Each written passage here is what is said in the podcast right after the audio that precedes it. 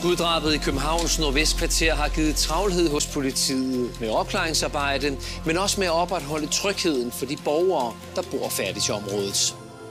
Lyden her er fra TV2 Lorges nyhedsudsendelse, dagen efter et skuddrama midt på åben gade havde rystet borgerne i Københavns Nordvestkvarter. I dette afsnit af Danske Drabsager handler det om et drab uden motiv, et forsvundet gerningsvåben og en langstrakt efterforskning. Vi går tæt på en festlig eftermiddag, som endte tragisk, da en mand i ly af mørket likviderede dagens hovedperson. Vi skal høre om politiets arbejde i og omkring gerningsstedet, om jagten på gerningsmændene, teleoplysninger og videoovervågning. Og om en person, der går fra en straf på livsvejet fængsel til at stå på gaden som en fri mand. Til at fortælle om sagen i denne episode har jeg talt med tidligere drabschef Jens Møller Jensen, drabsefterforsker Allan Jul Laugesen, kriminaltekniker Bent Hytholm Jensen, professor i retsmedicin Hans Peter Hågen og forsvarsadvokat Mette Grits Dage. Mit navn er Stine Bolter. Velkommen til podcasten Danske Drabsager, fortalt af de fagfolk, der har været helt tæt på. Radioverden står i sin hvide skjorte og ser glad og stolt ud over forsamlingen. De er alle kommet for at fejre ham og den bog, som handler om hans liv. Et liv væk fra kriminalitet, bander og den rå underverden. Der bliver skålet og krammet. Igen og igen skal han signere bøgerne, og han smiler bredt til de mange mennesker, han har inviteret.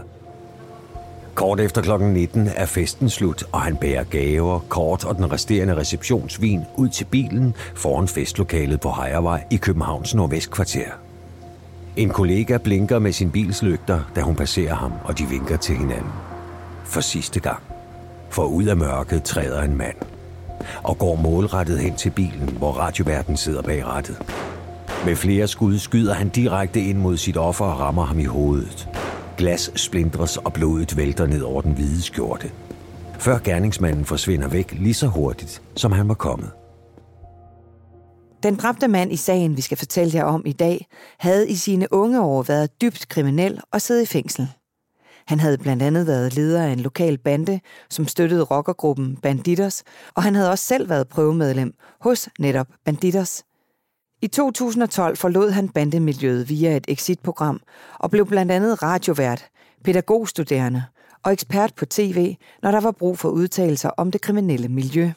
Derfor var det en offentlig kendt person, der var blevet skudt ned på Hejervej i Københavns Nordvestkvarter. Tidligere drabschef ved Københavns politi, Jens Møller Jensen, har sat sig ind i sagen og fortæller her, hvilke mekanismer, der går i gang hos politiet, når der er melding om, at der er blevet afgivet skud. Skudsager har jo selvfølgelig øh, høj prioritet, og når der kommer en melding om, at øh, der, der er, er skudt mod en person, bliver der selvfølgelig med det samme sendt ambulancer ud, og, og, og der bliver en hårdt kvæstet person bliver kørt væk, og politiet kommer jo selvfølgelig også til stede. Og grunden til, at udover at det er jo altid alvorligt, når nogen bliver skudt, at man så tager skudsager så alvorligt, det er jo, at der har jo stort set de sidste øh, 5, 6, 7 år været ongoing bandeskyderier i øh, København og, og Storkøbenhavn. Det er klart, at hvis der er gang i noget, som kan være et bandeskyderi, så skal man jo ud og prøve at gøre så meget, man kan for at få det stoppet og få det efterforsket. Og det er sådan en bredspektret indsats, som går i gang. Der er jo sådan helt det, det hardcore politifaglige på, på sådan et sted der, hvor man bliver skudt, og, og det er en bil, man bliver skudt i osv. Der er bilen jo selvfølgelig genstand for en, øh, en undersøgelse for at finde ud af, hvad er det for en type pistol øh, eller revolver, der har øh, gerningsvåbnet i, i sådan en sammenhæng her. Man kigger efter et projektil inde i bilen, og man kigger, om der ligger afskudte hylstre udenfor. Øh, og når man så øh, fra, fra vidner finder ud af, at der er en anden bil, der parkerer, og der er en chauffør i den, og der er en, der stiger ud, og de bagefter flygter, jamen så skal man jo have afhørt de her vidner, der har set det. Kan man øh, identificere bilmærket? Er der måske nogen, der har et dele af et registreringsnummer? Og i, selvfølgelig også, kan de signalisere øh, den eller de personer, som har været øh, i køretøjet? Og lige efter det, eller nærmest sideløbende med det, der går man jo også i gang med at sige, hvad har vi så af muligheder for at sikre videoovervågning i lokalområdet her? Det kan være fra, fra 7-Eleven-forretninger, tankstationer, banker og alle mulige andre steder, der kan være videoovervågning. Der kan man jo i gang med at indsamle øh, den her videoovervågning. Og har man også nogle af øh, de her automatisk nummerplade genkendelsessystemer aktive i området, jamen, så bliver de selvfølgelig også testet for at se, om det kan være øh, aktuelt i at, at bruge i efterforskningen. Men i sådan en sag her, hvor man tænker, at den person, som er, er blevet skudt, har haft en relation til øh, bandemiljøet, der er det jo også relevant at undersøge, hvad sker der i bandemiljøet, og der øh, konsulterer man jo selvfølgelig med det samme de eksperter, som er i Københavns politi også på det her. Og noget af det, de gør, det er, det er at de kontakter selvfølgelig de forskellige øh, meddelere og alt muligt andet, som man taler med, for at finde ud af, går der nogle rygter om, at, øh, at der er en konflikt, eller har ham her været truet af nogle af de andre. Han har jo selv skrevet en bog, det er jo ingen hemmelighed, hvor også at, at, at han er inde på, at, at han har været øh, efterstræbt af, af nogle af de andre. Og det er jo klart, det er jo selvfølgelig også noget, man så efterforsker. Om der har været sat en pris på ham i virkeligheden, øh, at, at der er nogen, der er gået efter ham, eller er det måske en personlig uoverensstemmelse, og ikke en bande uoverensstemmelse. Det er jo nogle af de ting, som man selvfølgelig skal prøve at grave frem i, i den indledende fase. En af dem, der ofte er blevet sendt ud i drabsager, da han var efterforsker ved Københavns politi, er Allan Jul Laugesen. I sagen her var han og kollegaerne på hårdt arbejde med mange forskellige opgaver. En af opgaverne var at indhente teleoplysninger. Der tager man jo et øh, mastesug over Ganested. Der kan man jo se, hvilke telefoner har der været øh, inde i det her område. Det kan være tusindvis af telefoner, det kan være på det her. Og har man så nogle mistænkte, så kan man jo matche deres op i det her søgeprogram. Men er der ikke, så er det jo bare den tunge vej. Og man kan også sige, øh, hvilke telefoner har der været, og dem kan man så gå igennem, at det er øh, en øh, jordmor og en husholderske og et firma fra brusen, eller hvad, hvad er det for nogle mennesker? Og så kan man jo, øh, ligesom at det er jo et kæmpe arbejde, at spore sig ind på, på, hvem de er. Jamen, det kan tage måneder. Man kan så også gå ind og sige, hvor flytter de sig hen, de her mennesker? Du kan også sige, at det mennesker, der kommer her dagligt, eller er det enkelt, der har kommet her en gang imellem, eller er det kun været der en gang? Og så kan man jo så ud for det, hvor tager de hen? Og er der så noget interessant, de skiller sig ud? Lad os nu sige, at man har en flugtrute. De kører i en blå bil. Det ved man. Det har vi før gjort. Så kan du jo følge den her bil på øh, kameraerne, på overvågningskameraerne. Den kører herfra. Hvornår så indsamler man overvågningskamera? Hvornår går den her bil så forbi et andet sted? Den telefon, det var på gerningsstedet, er den genganger på nogle af de, på de her biler. Og hvornår bliver den her telefon slået ihjel? Det gør man jo tit. Når man er langt nok, så smadrer man telefonen og smider det væk. Hvor dør den henne? Så har man ligesom et SIM-kort. Du har en telefon, siger man. Hvor er SIM-kortet købt fra? Hvor er telefonen købt fra? For det kan du se, hvilket, hvilket SIM-kort sidder i hvilken telefon. Er det en til 25 kroner for Bilka? Så tager man ud i Bilka og får overvågen for Bilka. Hvem har købt en telefon? Hvem har købt to telefoner på en gang? Hvem har købt fem telefoner på en gang? Da alarmen lød, var den 31-årige radiovært og tidligere bandeleder stadig i live, men hårdt kvæstet, og derfor blev han hastet på Rigshospitalet. Efterforskerne gik straks i gang. Jens Møller Jensen fortæller.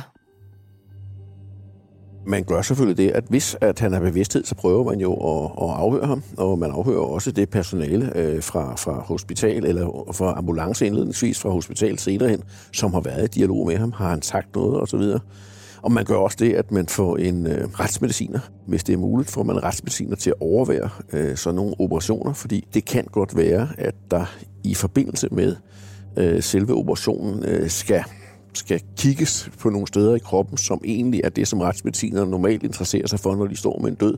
Og så kan de så kigge øh, på, på operationen og måske få lov at være den, der kan, kan sikre noget viden, som kan bruges i en efterfølgende straffesag. Og det er også vigtigt, at, at man får retsmedicinerne ind og gør det. Tøjet fra øh, den person, som skal opereres, bliver jo selvfølgelig sikret, men det sker jo på den måde, som operationen tilsiger. Det er jo det livreddende, der har første prioritet, så det bliver jo bare klippet af men alligevel så bliver det overdraget til nogle kriminalteknikere, der så går ud og samler, øh, samler det og, og laver de undersøgelser, der nu skal, skal laves. Alt fra indskudshul, udskudshul og fra krudtpartikler, øh, øh, hvad er det for type krudt og så videre, alle de der ting, som, som man kan bruge. Og hvis der har været for, øh, tale om en forudgående konflikt øh, gennem en åbenstående rude, hvor man måske har råbt af hinanden på, på mindre end en meters afstand, så kan der rent faktisk også være DNA øh, på, øh, på tøjet og på huden på den øh, person, som er blevet skudt, som man skal have sikret. Det er nogle af alle de ting, man prøver at få sikret, selvom det er en, øh, en sag, der ender med, at, at pågående afgår ved døden og skal opereres i, i første omgang osv., så, så, så sikrer man øh,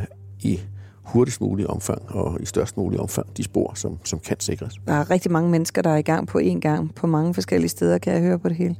Jamen, det er rigtigt. Det er selvfølgelig lægerne og, og, og det livreddende, der har første øh, ret, men det giver rigtig, rigtig god mening, at det er en retsmediciner, som jo også er en læge, der står ved siden af, og dermed kan tale læge til læge, og dermed også kan få lov at, at, at lave nogle af de her undersøgelser, hvis ikke han går i vejen for, for operationen. Det er vigtigt, at det ikke er en kriminaltekniker, der står og skal, skal gøre det. Har det nogen betydning for efterforskningen, om vedkommende er død, eller om der er øh, tale om et drabsforsøg indtil videre?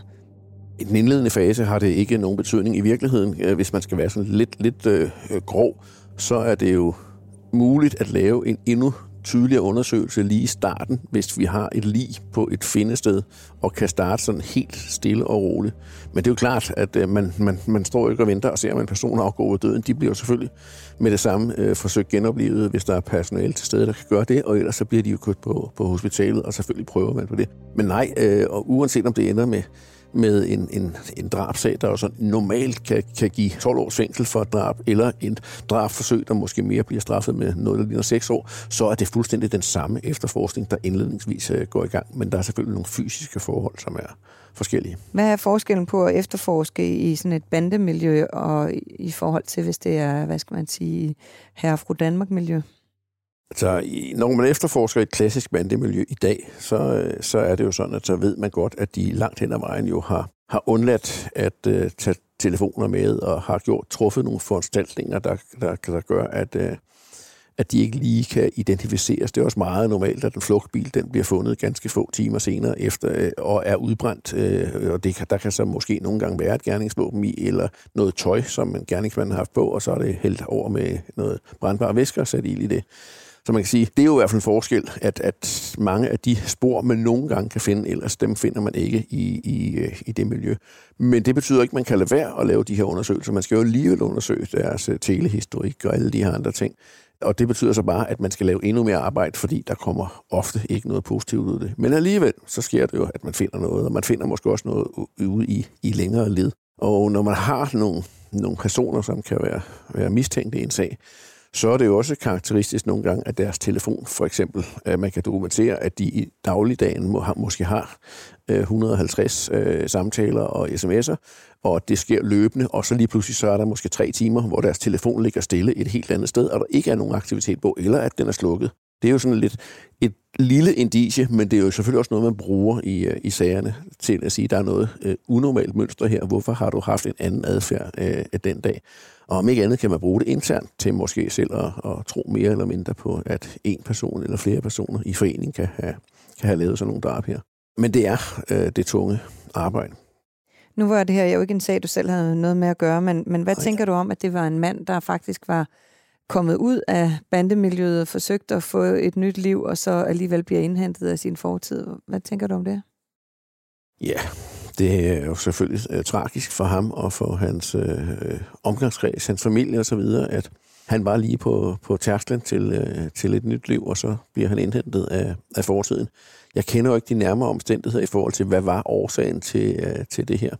Fordi hvis man har meget på samvittigheden, som nogen mener skal hævnes, så, øh, så, så, så er det jo den øh, risiko, der er selvom man, man træder ud. Måske bliver risikoen endda større, når man træder ud, hvis det er sådan, at det er personligt, at man har gjort nogle ting, som, som en anden bande vil, vil, vil hævne. Så det er jo ikke, det er jo ikke ens betydende med, at, at man forlader en bande, det er jo ikke ens betydende med, at så er man straffri for det, man eventuelt selv har været en del af tidligere. Der blev indsamlet overvågningsoptagelser fra et meget stort område, som senere skulle blive en vigtig del af anklagemyndighedens bevisførelse. Her kunne man blandt andet se flugtbilen før og efter skyderiet. Teleoplysningerne blev som sagt også indsamlet og brugt, og politiet ledte intenst efter gerningsvåbnet, men uden held. De høje bankelyde river ham ud af søvnens fagntag. Træt ser han på mobiltelefonen. Klokken er kun lidt over fire. Hvem end det er, der banker på hans dør, så vil han ikke åbne. Det kan ikke være vigtigt. Han trækker dynen over hovedet, og netop som søvnen næsten har taget fagntag om radioverden, bliver han revet tilbage igen. Irriteret står han op, krænger en t-shirt over hovedet og river døren op. Du skal dø, du er død, mand, råber en knivbevæbnet mand med en elefanthue over hovedet. Igen og igen stikker han den bredbladede jagtkniv frem mod sit offer. Gerningsmanden rammer døren og dørkammen, mens han messer. Du skal dø, du skal dø, du skal dø. Lige inden radioverden bliver ramt i maven, får han smækket døren i og redder dermed sit liv. I denne omgang. Den tidligere bandeleder havde flere gange før i sit 31-årige liv set døden i øjnene.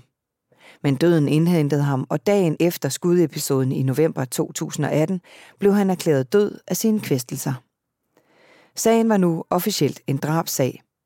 Derfor blev livet af den afdøde sendt til Retsmedicinsk Institut for en nærmere undersøgelse. Her var chefen professor i retsmedicin, Hans Peter Hågen. Hvor opgave var at undersøge den afdøde. Det vil jo sige, det drejede sig om en obduktion, der skulle foretages. Og det var med henblik på at dokumentere dødsårsagen og komme med yderligere eventuelle detaljer omkring øh, dødsårsagen. Og det har drejet sig om skudsag. Og hvordan øh, går man så i gang med det? Hvad, hvad starter man med? Man starter først med en CT-scanning af den afdøde. Og det er utrolig vigtigt at have en ordentlig scanning med henblik på at kunne påvise projektil og eller projektilrester inde i afdøde. Og det er jo fordi, at øh, man skal gerne kunne finde projektile, hvis det var et helt projektil, eller de større dele af projektil, for at kunne øh, give det videre til kriminalteknikerne, hvor deres våbensektion har mulighed for at undersøge det nærmere, og kunne finde ud af, hvilket våben, der eventuelt, det ikke eventuelt, men hvilket våben, der har været anvendt. Fordi øh, uh, et hvert våben afsætter nogle mærker på projektilerne, og disse mærker, de er unikke for hvert enkelt våben. Hvad viste obduktionserklæringen i den her sag? Obduktionen viste, at han var skudt i hovedet. Og ud fra skudsår i hovedet kunne man se, at han var skudt igennem en rude, da der også var små glasfragmenter i huden tæt ved skudsår. Han var ramt med to skud, men det ser ud til, at det ene skud, det har været med et projektil, der kan have været gået i stykker, inden der ramte ham. Øh, og det er for eksempel, når projektiler er gået igennem bilruden. At projektiler så går i stykker, altså bliver fragmenteret, og at to store fragmenter har ramt ham. Og så vil man have flere skudsår, end der er skud. I enhver sag om alvorlig personfarlig kriminalitet bliver en anholdt mistænkt personundersøgt. Det betyder, at man kommer ind på Retsmedicinsk Institut, hvor en retsmediciner undersøger en fra top til tå, og også aftørrer for DNA-spor rundt om på kroppen. Retsmediciner Hans Peter Hågen fortæller, hvad deres opgave er, ikke mindst hvis de får en mulig gerningsmand ind til undersøgelse umiddelbart efter en skudepisode. Det man kunne være heldig at finde, og det er ikke sikkert, men det ville være noget sod, altså fra selve skuddet.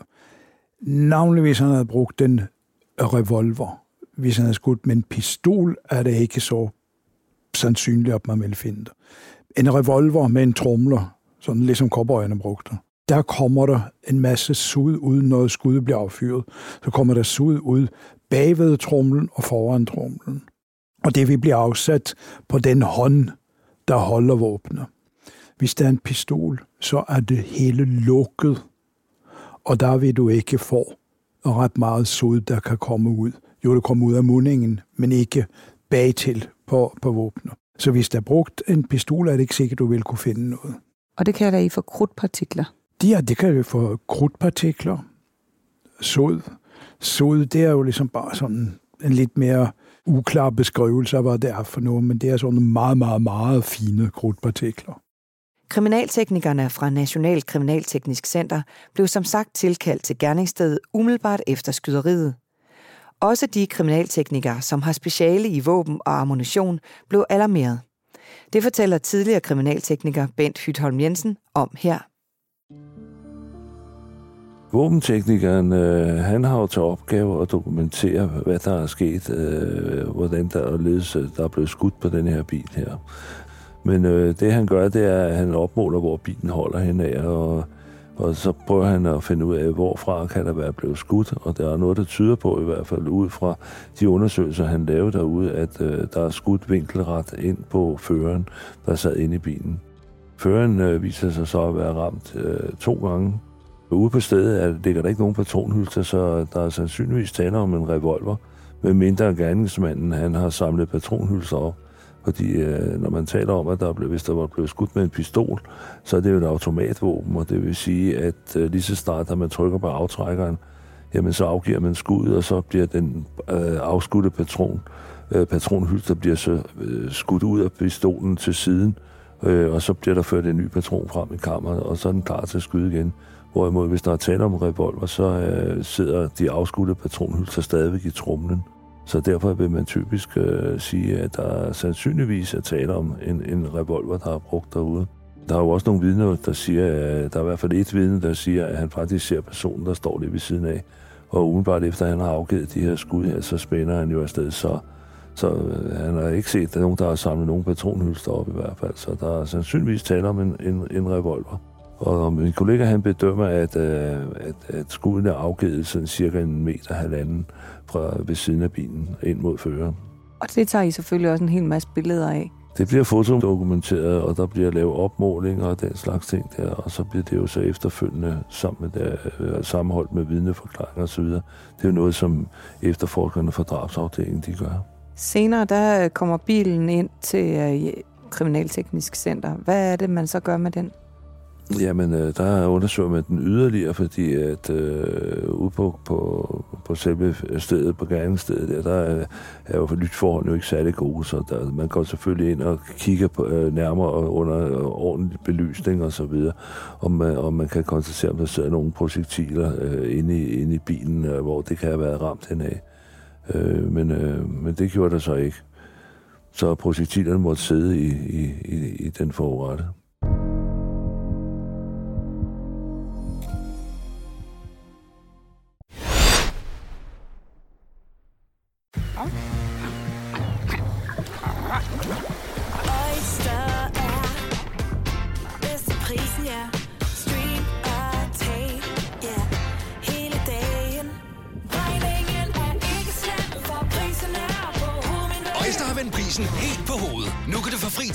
50 GB data for kun 66 kroner de første 6 måneder. Øjster, det er bedst til prisen. Er du selvstændig, og vil du have hjælp til din pension og dine forsikringer? Pension for Selvstændige er med 40.000 kunder Danmarks største ordning til selvstændige. Du får grundig rådgivning og fordele, du ikke selv kan opnå. Book et møde med Pension for Selvstændige i dag.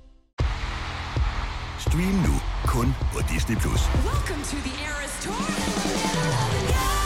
Oplev Taylor Swift The Eras Tour, Taylor's version. Med fire nye akustiske numre.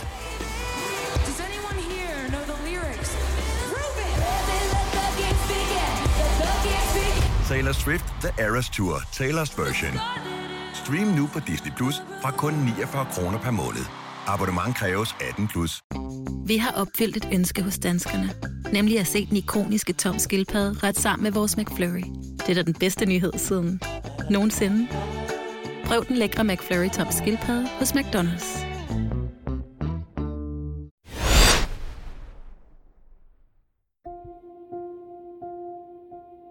De to kvindelige forsvarsadvokater står i venstre side af retssal 001 i retten på Frederiksberg, sammen med hver deres klient for at modtage dommen.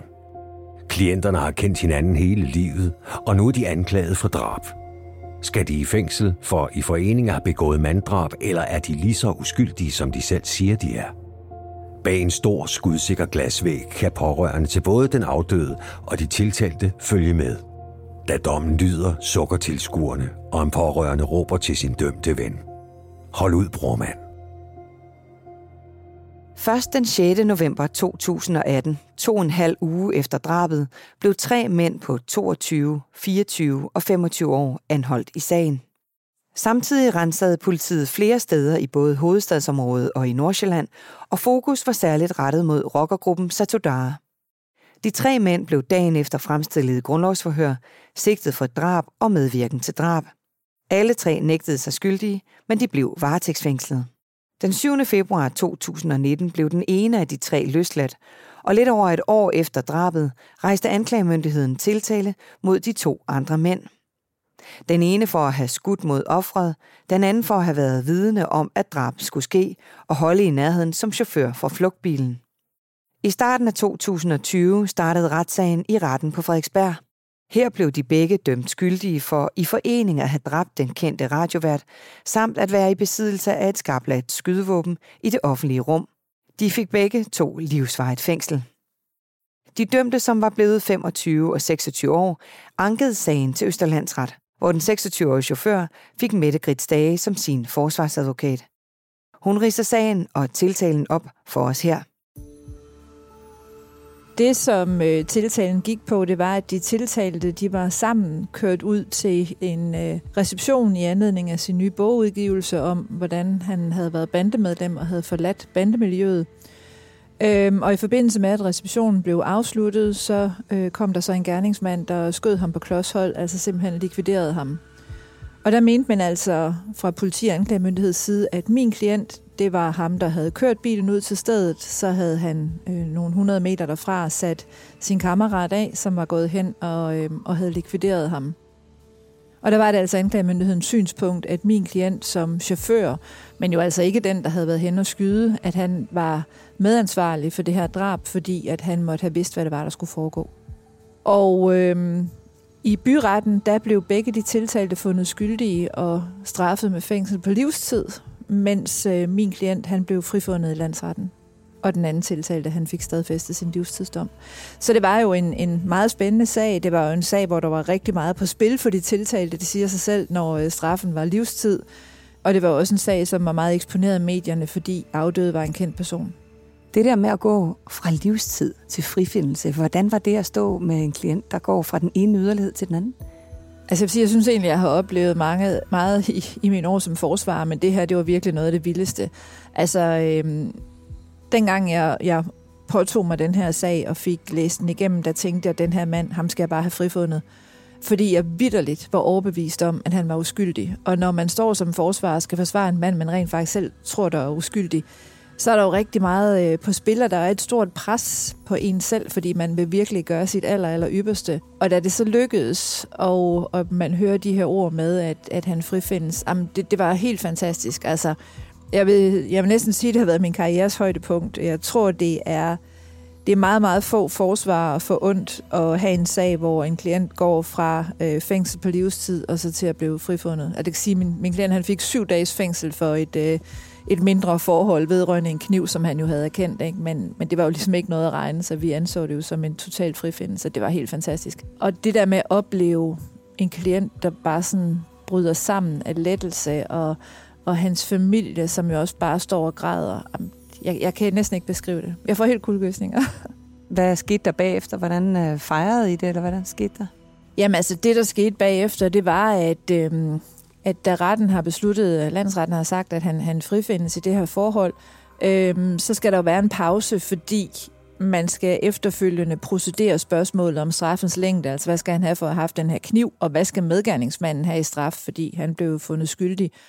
Og vi skulle have øh, udfaldet af skyldkendelsen kl. 10, og klokken kvart over 10, der stod min klient efter 27 måneder i varetægt. Der stod han ude foran landsrettens lokale og røg en cigaret med sin familie. Så det var jo helt, det var helt vildt. Og så kom vi så ind og procederede spørgsmålet om, øhm, om straffens længde, og det blev så de her syv dage. Og så efterfølgende ved jeg jo, at min klient han selvfølgelig er pisket hjem til sine børn, som han jo ikke har haft mulighed for at, at være ordentligt sammen med gennem, gennem flere år. Øh, så han havde behov for at være sammen med familien, og jeg var jo bare glad. Øhm, det er jo heller ikke sådan, at jeg som forsvarsadvokat øh, nogensinde fejrer en sejr med mine klienter. Det, øh, det holder jeg sådan rent professionelt, og jeg er også sikker på, at øh, de gider sådan set heller ikke være sammen med mig. De vil heller være sammen med deres familie. Der er jo mange sager, hvor man siger, at øh, man burde have vidst, at det var det, der skulle ske, og det er derfor, at man bliver dømt for i foreninger at have slået nogen ihjel, selvom der måske kun er blevet brugt et våben. Hvad var det, der gjorde, at i den her sag var det anderledes? Så det er jo helt rigtigt, at hvis det er sådan, at øh, den person, der er chauffør, han har været enten har været fuldstændig klar over, fået at vide, at nu skal du lige køre mig hen til et eller andet sted, fordi jeg skal hen og skyde en person, jamen så hænger han selvfølgelig også på det, fordi så har han jo udøvet en aktiv rolle i den forbrydelse. Øhm, I den her sag, der fandt byretten, at selvom min klient måske ikke decideret havde fået at vide, hvad der skulle ske, så burde han i hvert fald have været klar over det. Øh, han måtte have indset, det var det, der skulle, skulle ske. Og, og, og, og hvis man finder det, jamen, så sker der jo også domfældelse. Men landsretten nåede altså frem til, at det ikke var bevist i den her sag, at han burde have vidst det. Der havde ligesom ikke været nogen tegn, der var ikke beviser for nogen tegn på, at min klient han undervejs på turen skulle være bibragt den her viden. Han havde jo hele tiden forklaret, at han øh, havde fået videre sin kammerat, at han lige skulle øh, køre ham ind et sted, hvor de skulle handle nogle Viagra-piller. Og det blev også fastlagt, at der på min klients telefon var noget korrespondence om salg af Viagra-piller. Altså det var noget, han sådan tidligere havde befattet sig med. Og der kom ikke noget frem undervejs, hvor man kunne sige, jamen lige præcis den her oplysning, den gør, at vi må lægge til grund, at han rent faktisk burde vide, hvad der skulle ske. Altså, der var ikke rigtig noget. Og derfor så sagde landsretten, jamen når der ikke er noget, så, øh, så skal manden selvfølgelig frifindes.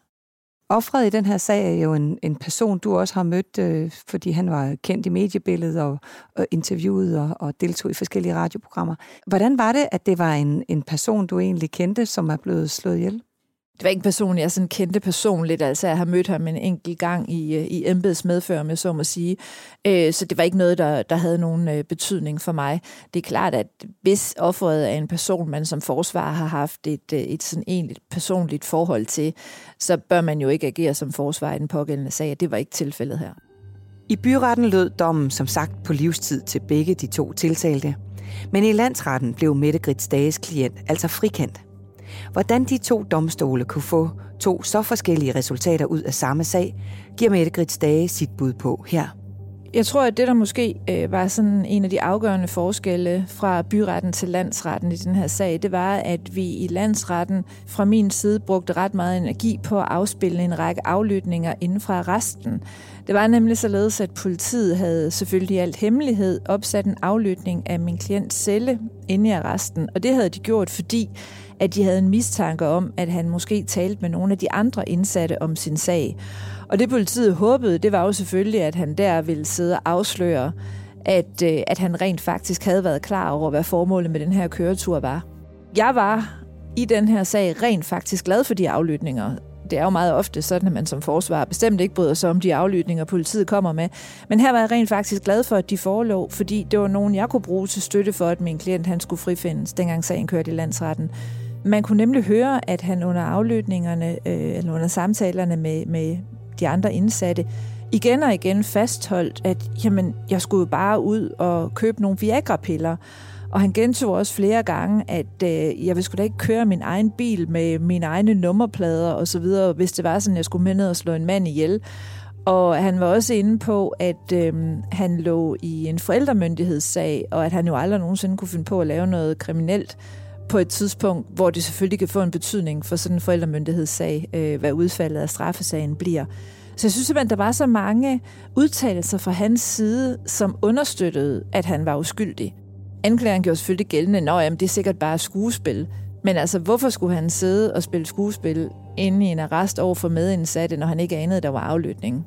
Og jeg er da også ret sikker på, at hvis de aflytninger var gået den anden vej, hvis de aflytninger havde været nogen, hvor han havde siddet og sagt, at han var skyldig, så er jeg helt sikker på, at anklageren synes, at de sagtens kunne bruge og ikke, bruge sig ikke ville have sagt noget om, at det var nok også bare skuespil for, for at spille sej, det her. Det, der var, øh, var særligt i den her sag, eller i hvert fald adskilt den fra mange andre øh, af de meget alvorlige sager, det var, at min klient allerede på et meget tidligt tidspunkt gerne ville udtale sig til politiet.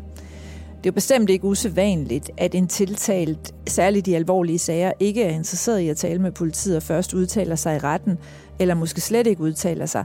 Men her var min klient altså klar til på et meget tidligt tidspunkt at give en forklaring. Og den forklaring, han afgav til politiet, har i alt væsentligt været den samme under hele forløbet. Og det er klart, det er selvfølgelig også noget af det, jeg har påberåbt mig i landsretten til støtte for, at han er uskyldig. Altså at han hele vejen igennem har forklaret sig, og han har forklaret enslydende. Det kan godt være, at man undrer sig lidt over, hvordan en sag kan falde så forskelligt ud. I byretten sidder der tre juridiske dommer og seks nævninger, og i landsretten sidder der også tre landsdommer, øh, altså juridiske dommer og, og ni nævninger.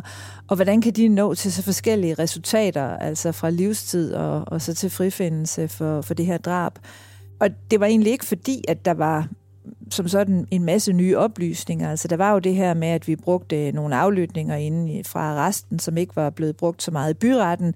Men det er bare sådan, at øh, det er jo øh, det afhænger jo af øjnene, der ser, og det er forskellige øh, individer i by- og landsret, der skal afgøre sagen, og, og de har måske en, bare en forskellig opfattelse af, hvordan beviserne skal vurderes. Og nu havde man også i den her sag skiftet forsvar, og det kan jo selvfølgelig, uden at jeg skal sidde sådan og skamrose mig selv, så kan det selvfølgelig også have en betydning, hvordan forsvaren har, har grebet det andet, og hvor god man ligesom er sådan til at tale klientens sag. Men det er jo ikke usædvanligt, at landsretten og byretten kan nå frem til vidt forskellige resultater, selvom det i virkeligheden stort set er det samme materiale, der bliver, bliver fremlagt. Det er sådan, at øh, her i landet, der kan man kun komme i retten to gange som udgangspunkt, altså by- og landsret. Så er der mulighed for at søge om at få højesteret til at vurdere sagen, men den tilladelse, den får man kun, hvis det er sådan, at der er øh, noget principielt i sagen. Og det, der er principielt her, det er, at medgerningsmanden han fik livstid, og det får man sædvanligvis ikke, når man i godsøjen kun begår et drab. Et drab, det giver som udgangspunkt 12 år. Hvis det så er begået med skydevåben, som det var tilfældet her, så skal der lægges et par år oveni, fordi det giver det her med skydevåben isoleret set. Øhm, når man så anvender skydevåben på åben gade, så skal straffen yderligere øges med 50 procent. Det er en ny paragraf, vi har fået ind i loven for et par år siden, fordi politikerne de meget fornuftigt vil, øh, vil, vil til livs, at der sådan er det her med skydevåben i det offentlige rum. Så det prøver man selvfølgelig at bekæmpe, og det har man altså gjort ved at skærpe straffene. Og så er vi jo så op på noget, der minder omkring en 20 år. Øh, og det var egentlig overraskende for mig, at øh, medgerningsmanden han også i landsretten fik livstid, og ikke i godsøjne kun 20 år. Der var som sagt flere ting, som Mette Grits Dage fremførte som beviser på, at den tiltalte var uskyldig og ikke skulle have fængsel på livstid. Han anede simpelthen ikke, at der skulle begås et drab den aften. Han troede blot, at de skulle købe Viagra-piller. Mette Grits Dage uddyber. Og noget af det, jeg selvfølgelig også påberåbte mig i landsretten, og egentlig også gjort et stort nummer ud af, det var jo det her med, at Altså, at hvor dum kan man være? Øh, min klient, han var kørende i sin egen bil. Han havde ikke gjort noget for at kamuflere nummerpladerne. Øh, han havde medbragt sin telefon. Altså, hvis det er sådan, at man ved, at man skal køre sin marker hen til et sted, hvor han skal likvidere en anden person, så må jeg indrømme, at så har jeg utrolig svært ved at forestille mig, at man ikke skulle foretage nogen som helst forberedelseshandlinger, såsom for eksempel få fat i en anden bil, øh, eller øh, lægge sin telefon derhjemme. Og, og der var ikke noget af det, der han havde gjort. Det var også noget af det, der efter min opfattelse understøttede, at han havde vidderligt ikke vidst, hvad det var, øh, der skulle ske dernede. Man kunne også se, at øh, dengang øh, hans marker går ned til Svanevej for at foretage den her likvidering, altså der holder min klient øh, i et område nogle 100 meter derfra, hvor han holder lige ude foran en kiosk, hvor der står nogle øh, personer, som er ved at aflæse en lastbil med nogle varer, der skal ind i kiosken. Og min klient, han går jo på kameraet, som hænger ret tydeligt ude foran den her kiosk. Og der er det også sådan, jeg tænker, almindelig logik, det gør jo, at det er jo ikke noget, man vil gøre. Man vil ikke holde sådan et sted, hvis man vidste, at ens marker skulle ned og begå så alvorlig en forbrydelse. Så der var altså sådan ret, en, en række sådan helt grundlæggende ting, som jeg påberåbte mig, at det ville man aldrig nogensinde gøre, øh, hvis det var sådan, at man ikke havde rent mel i posen. Under optagelserne af denne podcast er dommen fra landsretten blevet stadfæstet ved højesteret. Der er endnu ikke taget stilling til erstatningsspørgsmålet i forhold til Mette Grits Dages klient. Hun forklarer. Hvis man har været uberettiget frihedsberøvet, så får man et, øh, et fast beløb per dag. Jeg mener, det er 1000 kroner om dagen. Og så får man jo også, hvis man for eksempel har haft tabt arbejdsfortjeneste. Det er i hvert fald det, der er udgangspunktet, fordi det er jo samfundets måde at sige undskyld for, at vi har taget 27 måneder af dit liv. Og jeg har selvfølgelig søgt om erstatning til min klient, og lige nu baserer den sag. Og det er ikke usædvanligt, vil jeg sige, at anklagemyndigheden de gør, hvad de kan for at komme udenom og betale erstatningen.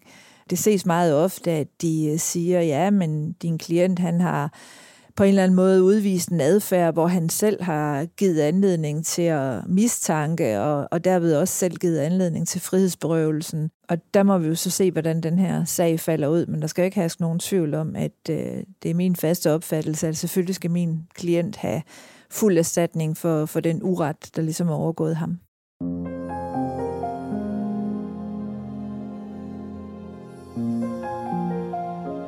Sagen har efter flere år nu nået til en afslutning, og selvom det aldrig er kommet præcis frem, hvorfor den kendte radiovært skulle dø, så tyder meget på, at han på en måde blev indhentet af sin fortid.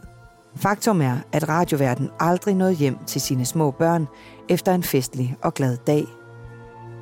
Hvis du vil læse mere om radioverdens kriminelle løbebane og forsøg på at leve et normalt liv som en retskaffen borger, så læs bogen Rødder, skrevet af forfatter Marie-Louise Toksvig.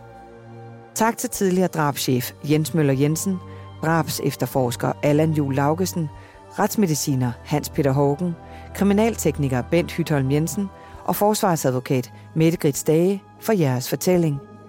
Speaks indtalt af Henrik Forsum, musik af potmusik.dk, klippet af Rasmus Svinger, produceret af Bauer Media og True Crime Agency. Mit navn er Stine Bolter. Tak fordi du lyttede med.